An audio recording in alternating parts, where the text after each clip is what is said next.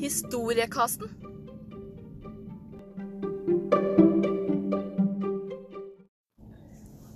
Hei og velkommen til Historiekassen.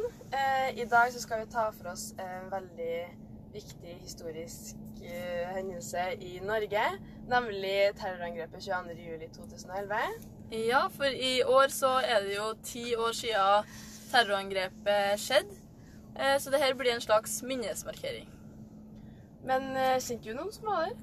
Eh, Nja, ikke noen nære venner eller slekt, men jeg vet at søstera til ei venninne av meg hun var der, og hun overlevde da heldigvis. For hun gjemte seg under ei seng i ei trang hytte med ca. 40 andre ungdommer. Og de hørte skudd utafor, og det ble skutt imot døra til hytta. Og de plasserte madrasser rundt eh, på vinduene, forteller hun, eh, sånn at de ikke skulle se Så at ikke angriperen skulle kunne sikte på dem, da.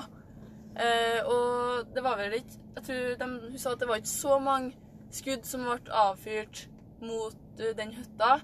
Og det fikk de høre i ettertid at eh, det kunne være fordi at angriperen ikke var sikker på om de inni hytta var be bevæpna. Og det var derfor at han gikk videre, da. Mm.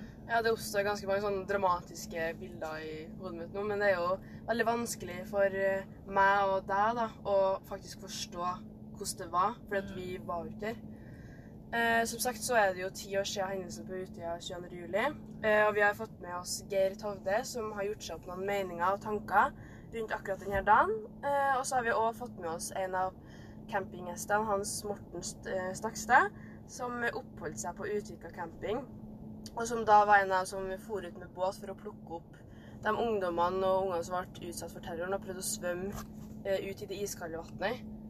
Eh, og dette her er jo kanskje personer som blir litt glemt eh, når man tenker tilbake til hendelsen og hvordan etterreaksjonene har vært. da. Ja, men Geir, eh, husker du hvor du var hen 22.07.2011? Eh, jeg var hjemme i lag med familien min da jeg først fikk høre om noen eksplosjon som hadde gått av i Oslo.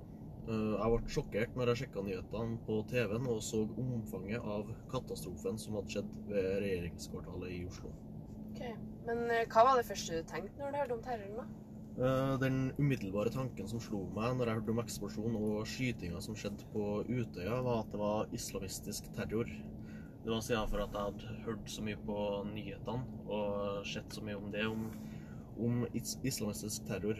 Men eh, når jeg leste at det var en etnisk norsk mann som sto bak, så ble jeg litt sjokkert.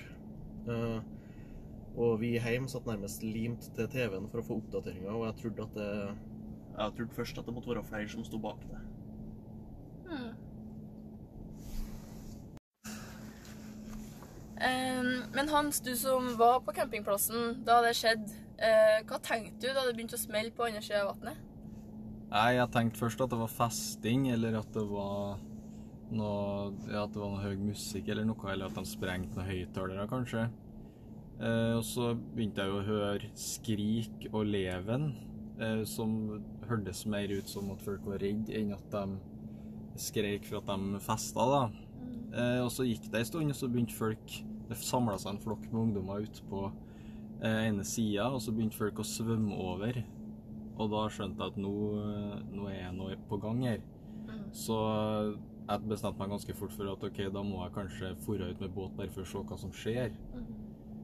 Eh, Så jeg for ut med båten min, da. Eh, Og da hadde det allerede gått litt under en time, kanskje. Eh, Og da begynte politiet å komme, da. Da var det veldig mye kaos. Og så kom politiet ut i en sånn gummibåt, men den sprakk. Så da måtte vi på campingplassen hjelpe dem, da. Og låne bort en båt. Ja, For de måtte snu og ta med båten tilbake til kaia at den var overlasta. Ja. Mm. Ja, ja når vi er innpå politiet her nå. Eh, Geir, du som ikke var der og opplevde det, hvordan eh, opplever du innsatsen til politiet? Husker du om, om du tenkte over hvor lang tid det tok, eller la du merke til noe? Nei, når jeg så først i Oslo, så så jeg at eh, politiet hadde etablert eh, sikringer og evakuert folk og sånn. Så i Oslo ved regjeringskvartalet så det bra ut de første 10-15 minuttene, for da hadde de allerede kommet. Men eh, angående Utøya så var det litt annerledes, for der syns jeg de brukte litt lang tid på å komme seg hit. Jeg leste noe om at det var politibetjenter, eller lokalfolket, som hadde ankommet dit, men ikke noe beredskapstroppen eller uh, noen av dem som uh, skulle ta hånd om situasjonen. da. Mm. Men Ja. Tenker du det er politiet sin feil, eller tenker du Eh, Nei, jeg tenker det kanskje litt mer opp i ledelsen, da, for det var jo lokalpolitiet var jo der, men de kunne ikke gripe inn både pga. mangel av utstyr og kommunikasjon, da, for de hadde jo protokoller å følge. Men eh, jeg er litt usikker om skal gi skylda på politiet eller Ja, uansett hvem det var, så var det veldig dårlig. Fordi vi som var på campingen, vi ble jo merka for livet etter det som skjedde. Vi var nødt til å gripe inn, liksom. Og vi, da vi kom dit, så vi jo skutt ungdom som lå og, og liksom blødde i båtene våre. Så det var rett og slett Og vi er jo ei ganske glemt gruppe òg, vi som hjelper til fra campingen.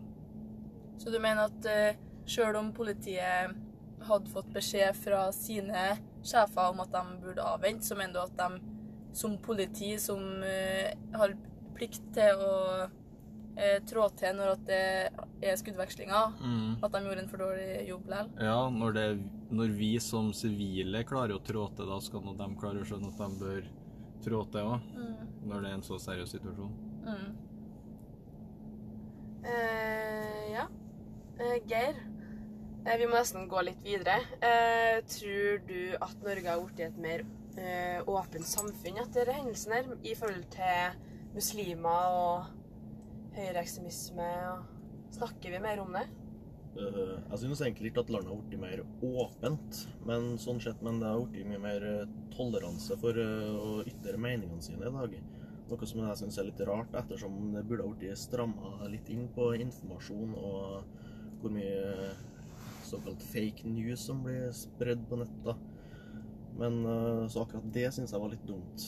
Men eh, en ting som rundt det som jeg syns er viktig, er kunnskap. da, For det er jo det som kan føre til sånne situasjoner at det er mangel på kunnskap.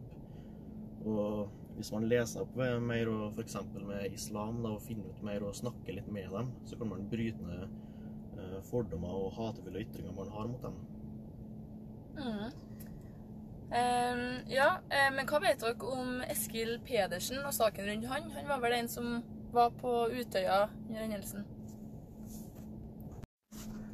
Ja, saken om Eskil Pedersen er jo en ganske stor sak. Eh, men vi holder på å gå tom for tid nå, så jeg tror nesten vi må ta det i en annen episode. Ja, jo, både han og eh, ungdommene som var der, ble jo veldig hetsa etter det her, både på nett, og mange av dem som har gått ut av sosiale medier osv. etter det her. Men som du sier, så er det en veldig omstridt sak som det er mye å si om, så kanskje det er lurest å ta det i en egen episode når vi har litt bedre tid.